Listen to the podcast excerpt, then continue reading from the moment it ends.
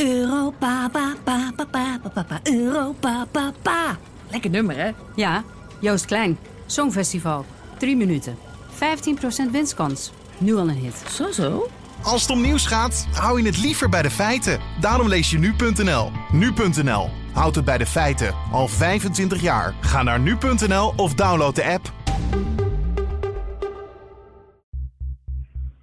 Ik weet nog bij de Ja, ik was op mijn werk. Ik zat op de wc en toen werd er op de deur geklopt dat de telefoon voor mij was.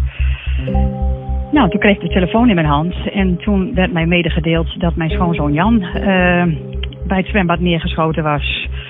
Nou, vanaf toen weet ik eigenlijk niks meer, want ik ben in elkaar gezakt. Het werd helemaal zwart voor mijn ogen en eh, nou ja, dat is gewoon niet te bevatten natuurlijk. In de vroege ochtend van 10 juli 2012 schrikt het Groningse dorp Marum, met nog geen 6000 inwoners, op van een schietpartij. De 40-jarige Jan Elsinga is neergeschoten voor het lokale zwembad waar hij elke ochtend zijn baantjes trekt. Marum, dat voor mensen in de omgeving vooral bekend staat om zijn lokale discotheek, is plots landelijk nieuws.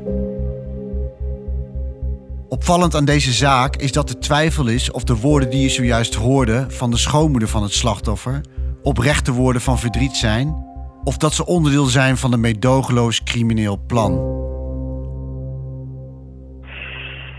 Verder weet ik eigenlijk niks meer. Ik weet niet eens meer dat ik bij mijn dochter gekomen ben. Ik, ik, ik, weet het niet meer. Dat stuk is helemaal weg.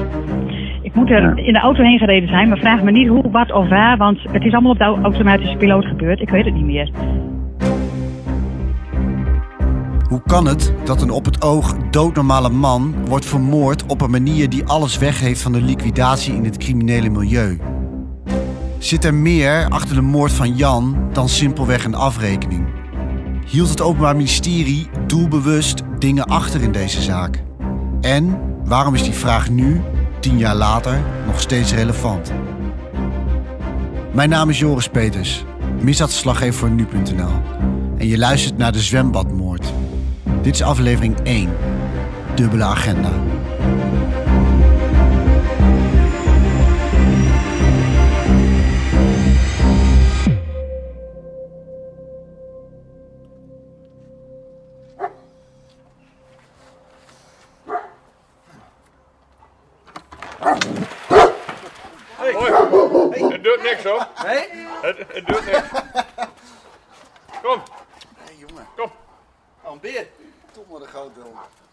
Wie op de A7 de afslag Marum neemt, rijdt niet direct landelijk schoon binnen. Een industrieterrein zorgt voor een kiel ontvangst, voordat een landelijke weg met een paar boerderijen het dorp invoert. We passeren een zuivelfabriek van Campina, wat de grootste producent van Edammer kaasbollen in West-Europa blijkt te zijn. De routeplanner laat ons links afslaan het dorp in. We hebben midden in het dorp, in Café de Vlieger, afgesproken met Romke Notenbomer. Fotograaf voor zijn eigen website 112 Marum. En over die pieper moet ik die nu even uitzetten. dan? Nou ja, wat, kan de pieper aanblijven? Gaat hij vaak af? Nee. Oh nee, laat dat maar. Ik kan hem net. Is dat ding? Ja, dan- Heb je? Schrik je daar niet van dan? Of ben je nou gewend? Nee, ja, ik ben er even. Nou, kijk. Romke woont in Marum en is werkzaam als taxichauffeur. Daarnaast werkt hij als 1-in-2-fotograaf, waardoor hij vooraan staat bij heftige incidenten. Zijn pieper, die afgaat bij alarmeringen, zorgt ervoor dat hij op 10 juli 2012 als een van de eerste aanwezig is bij het lokale zwembad van Marum. Er is een melding binnengekomen van een schietpartij. Maar daar gaat een andere opvallende melding aan vooraf. Maar ik ging 's morgens weg, even voor 7 uur. Kwart voor 7, 7 uur. werd een brandweer van Ureterp gealarmeerd voor een autobrand op Triemens. Ah ja. Dat is hier eh, vlakbij toe. En toen had ik van een schietpartij dus nog niks, eh, niks gehoord.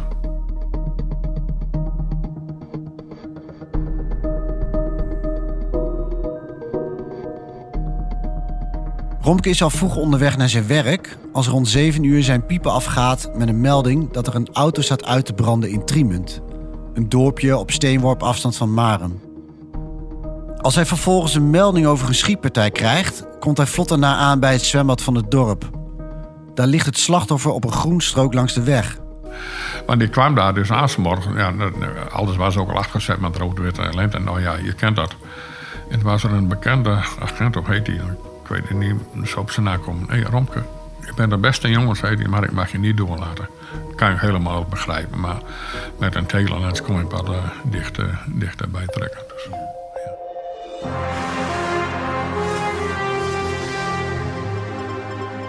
In Marem in Groningen is een man voor de ingang van een zwembad neergeschoten. Het slachtoffer is een man van 40 uit het dorp. Hij overleed korte tijd later voor de ogen van de badgast. Nou, ik heb dat ik geschoten heb gehoord, zeg maar. Nou, toen ben ik uh, uh, wezen kijken en toen zag je dat daar een lag met een fiets. Ook het lokale RTV Noord is er snel bij. Een omstander vertelt wat hij heeft gezien. Nou, op een gegeven moment hield de reanimatie hield op. Leggen ze een witte laken over, dus toen wist ik genoeg. U heeft schoten gehoord? Ik heb schoten gehoord, ja. Ik lag nog op bed, maar ik heb schoten gehoord, ja. Dus gebeurt op de parkeerplaats bij het zwembad? Nou, daartussenin. Er zit, zit dus een parkeerplaats achter.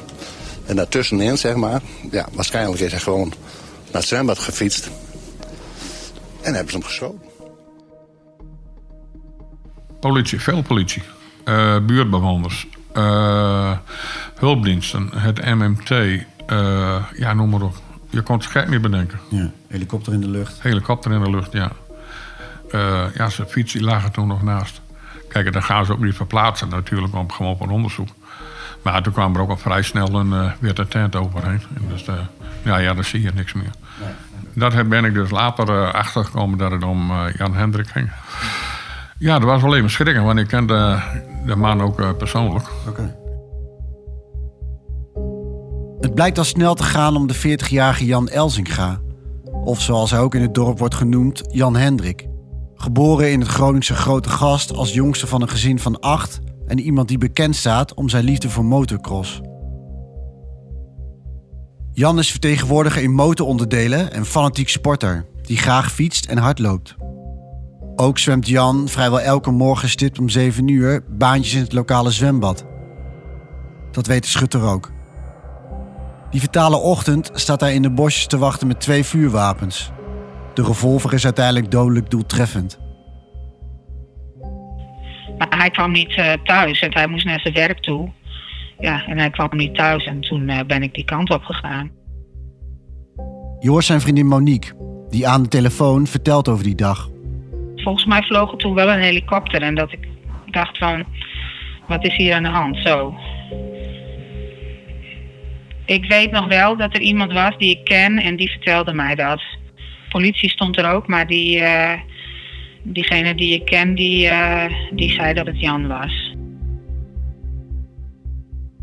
Monique staat aan het politielint terwijl even verderop haar partner Jan ligt.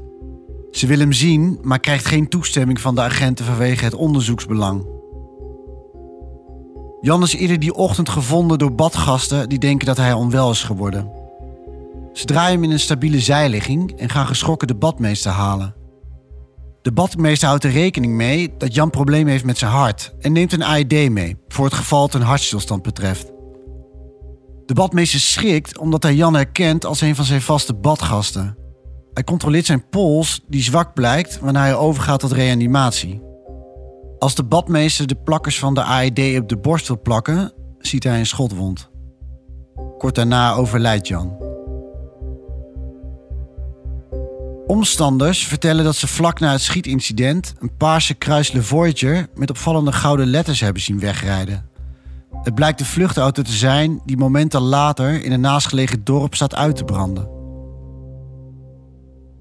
Ja, er werd, er werd nergens aan over gesproken. Als je in Albert Heijn kwam of wat dan ook waar, Hest dat al gehoord, zeggen ze, nou, hier op beste kwartier. Ja, nou ja, we dus, ja, zo, zo, nee, niks van gewoon.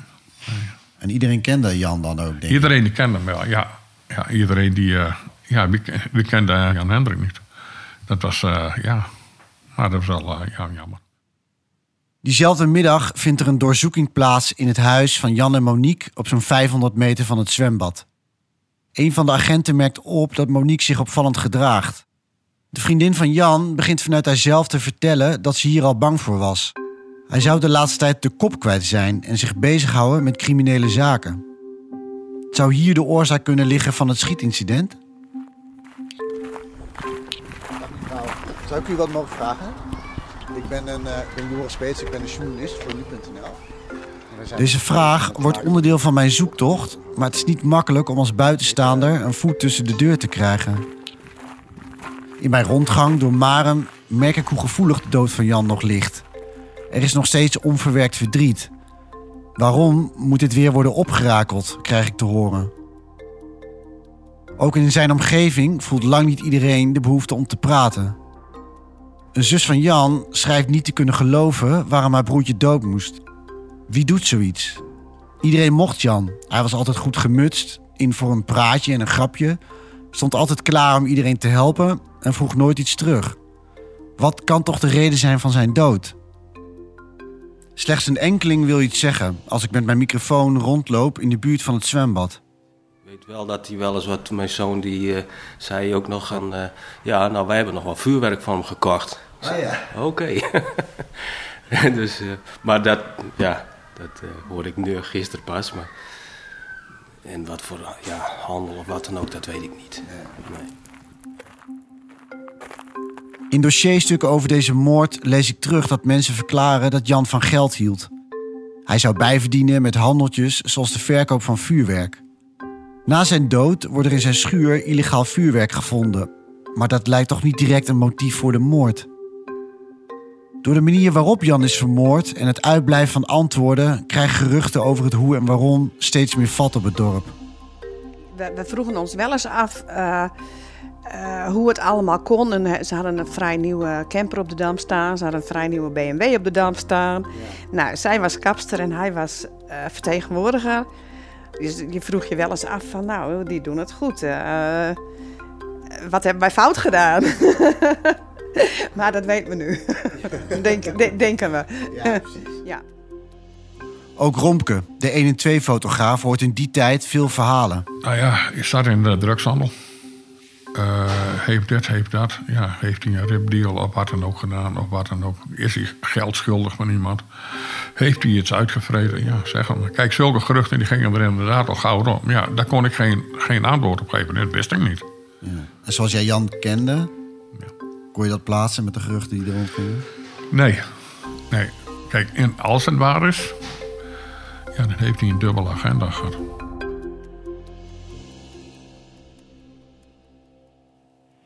Ja, we zijn 15 jaar bij elkaar geweest hoor. Ja. Dus eh, ja. Dat is, bij- dat, is, dat, is een, eh, dat is een groot deel van je leven. ja, klopt. Heel groot deel. Ja. Monique, de toenmalige vriendin van Jan, omschrijft een partner die als vertegenwoordiger in motoronderdelen zelf ook talent had voor motocross en erg sportief was. Is dat ook waar je toen op bent gevallen? Nou nee, want ik ben juist zelf helemaal niet sportief. Dus, eh, dus dat, dat, dat nee, dat, eh, nee, ik weet het eigenlijk niet. Ja, weet je, het is zo lang geleden en het was gewoon een leuke jongen. En dat, eh, ja. Maar waarom ik ook ongevallen ben, ja, weet je, dat loopt zo. Dat weet ik eigenlijk helemaal niet. Eh, dat kan ik me nog herinneren. Dat was op een grasbaanrace. Kobi, de schoonmoeder van Jan die je aan het begin van deze aflevering al hoorde, vertelt over hun eerste ontmoeting. Die kwam via haar zoon Marcel tot stand door een gedeelde liefde voor motoren. Jan die reed motor en mijn zoon die reed motor. En eh, zo, zijn, zo hebben we elkaar eigenlijk ontmoet. Jan was op zich een perfecte schoonzoon voor ons. Hij eh, was keurig netjes, hij was vertegenwoordiger, zat het hele land en zag er altijd keurig netjes uit. Was altijd vriendelijk beleefd. Ja, ik, eh, ik had totaal geen problemen met die jongen. Maar wat kan dan de reden zijn voor zijn dood? De politie houdt rekening met verschillende scenario's als motief. Er komen tips binnen bij de criminele inlichtingeneenheid van de politie, waar informanten anoniem informatie kwijt kunnen. De politie ondervraagt een groot aantal getuigen over de vermeende rol van Jan in de hennephandel. De politie schrijft in het onderzoeksdossier dat het niet duidelijk is geworden hoe groot de rol van het slachtoffer was binnen de handel in wiet. Maar dat er wel aanwijzingen zijn gevonden die erop wijzen dat Jan zich bezighield met verbouwen van hennepplantjes in maisvelden. Dit is echter op een dusdanige kleine schaal geweest dat dit vermoedelijk weinig geld heeft opgeleverd. Er zijn geen contacten tussen Jan en bekende drugscriminelen vastgesteld. Dan zegt Monique, de vriendin van Jan, iets opvallends aan de telefoon. Ja, Jan was op het laatst wel anders. Maar ja, ik begrijp nu waarom. Omdat hij echt een heel dubbel leven heeft gehad. Maar ja, dat wist ik toen allemaal niet. En wat hield dat dubbelleven in? Zie. na zijn overlijden hij is gewoon heel veel eh, eh, uitgekomen. Waar ik ook echt best wel boos over ben natuurlijk. Dus eh, Zoals? nou, meerdere vrouwen. Maar ook nog andere eh, criminele activiteiten? Of? Ja. Hij deed wel eens wat in. eh, hij had wel eens spullen die gestolen waren en die hij doorverkocht, ja. Ja. Het is een motief dat serieus wordt onderzocht. Een conflict in de motorwereld. Opnieuw wordt er een groot aantal getuigen gehoord. De politie schrijft dat het slachtoffer in motoren handelde en dat hierbij ook wel sprake was van discutabele handeltjes. Zo wordt er een gestolen motor aangetroffen. Maar opnieuw wordt een link met de moord niet gevonden. Dan volgt er een doorbraak in de zaak. Naast de uitgebrande vluchtauto wordt een petje gevonden. Het heeft de dagen voor de moord geregend, maar dit petje is nog schoon en kurkdroog. Het versterkt het vermoeden van de politie dat het van de dader is en er wordt DNA aangetroffen. In de dagen daarna is er een match. Het DNA blijkt van Zwollenaar Pascal E. Een man die eerder in aanraking is gekomen met de politie voor onder andere vuurwapenbezit. In zijn eerste verhoor zegt Pascal inderdaad op de parkeerplaats te zijn geweest waar de vluchtauto is gevonden, maar dan voor een seksdate. Wie Jan is, weet hij niet en van de moord in Marem zegt hij ook niks te weten. Kort na dit verhoor wordt Pascal uitgenodigd voor zijn tweede gesprek en hij begint te verklaren. Ik had geen geld en ik wist niet meer hoe ik mijn gezin moest onderhouden, zegt Pascal. Ik heb iets doms gedaan. Ik ben de schutter. In detail vertelt hij in verhoren hoe er een grote steekvlam ontstond bij het in brand steken van de vluchtauto en hij dagenlang met blaren in zijn gezicht rondloopt. Dat hij al eerder in de bosjes zat bij het zwembad en Jan hem passeerde voordat hij het doorhad. Hij kende Jan niet, maar hij had een foto gekregen waarop Jan te zien is in een groen motorpak zittend op een crossmotor. Als hij Jan op 10 juli ziet, stapt hij uit de bosjes en begint te schieten. Zodra Pascal doorheeft dat hij Jan heeft geraakt, gaat hij er vandoor. Als hem wordt gevraagd wie hem heeft benaderd voor de moord, noemt hij Willem P.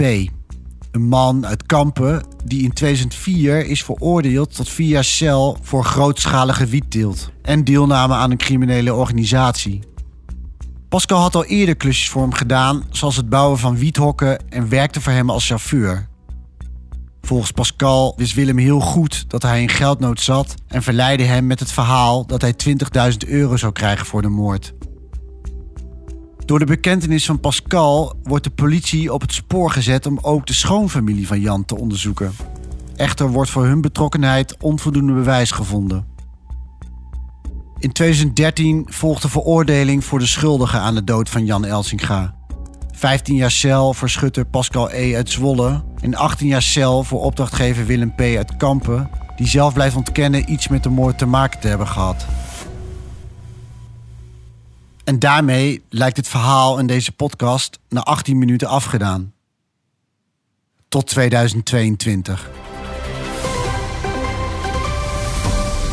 Dit is Drenthe Nu van vrijdag 23 december met vandaag. Schoonfamilie krijgt 20 jaar cel voor moord op Jan Elzinga in 2012. Goedenavond. De toenmalige partner en schoonfamilie van Jan Elzinga zijn vandaag veroordeeld tot 20 jaar cel voor het uitlokken van zijn moord in 2012. De schutter, Pascal E. uit Zwolle, werd vrijwel direct opgepakt. Hij wees een man uit Kampen aan als opdrachtgever, maar nu is na lange tijd bewezen dat de vriendin van Elzinga, haar broer en moeder achter de moord zaten. Een schokkende zaak. Zeker nu is komen vast te staan dat de opdracht voor de moord afkomstig is van de eigen schoonfamilie van Elzinga. De rechtbank komt dan tot de volgende strafoplegging. Voor Marcel, Monique en Kobi een onvoorwaardelijke gevangenisstraf voor de duur van 20 jaren met aftrek van het voorarrest. En dat is in deze vier zaken het vonnis van de rechtbank.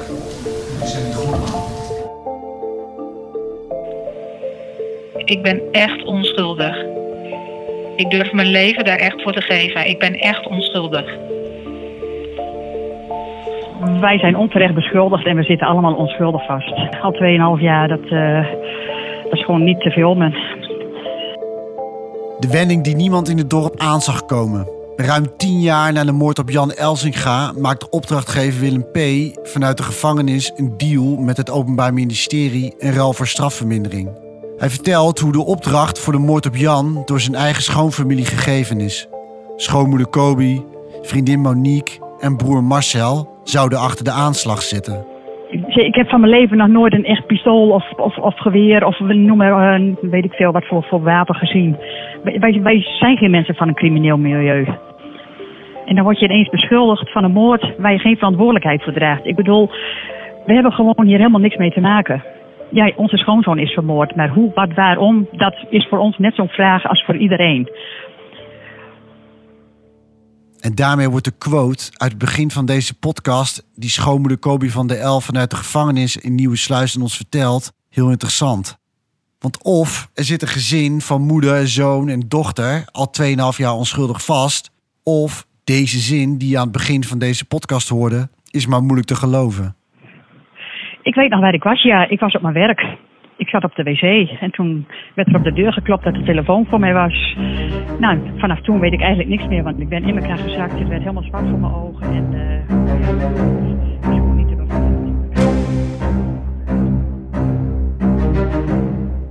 In de volgende aflevering van de Zwembadmoord, die over twee weken verschijnt, hoor je waarom de schoonfamilie, Kobi, Marcel en Monique, plotseling worden beschouwd als de hoofdverdachten van de moord. Hoe er mogelijk met Jans eigen geld is betaald voor de moord. En hoor je meer over de omstreden deal die het OM sloot met Willem P., waardoor hij kroongetuige werd. En ik werk mee aan deze podcast om, deze om de onderste steen boven te krijgen dat we onschuldig zijn. En ik, zeg u één ding, ze weten het, het OM. Alleen ze moeten het toegeven.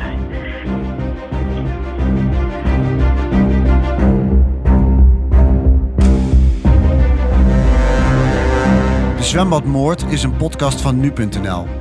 De podcast wordt geregisseerd door David Achter de Molen en is geproduceerd door het Podcastkantoor.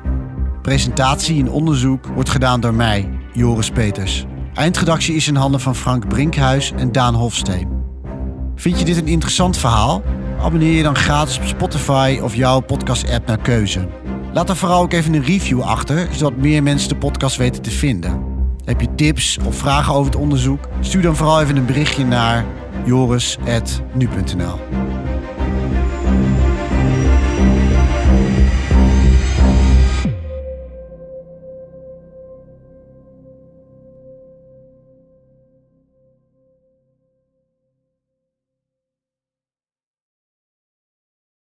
Europa, pa, pa, pa, pa, pa, pa, Europa, pa, pa. Lekker nummer, hè? Ja, Joost Klein. Songfestival. Drie minuten. 15% winstkans. Nu al een hit. Zo, zo. Als het om nieuws gaat, hou je het liever bij de feiten. Daarom lees je nu.nl. Nu.nl. Houd het bij de feiten. Al 25 jaar. Ga naar nu.nl of download de app.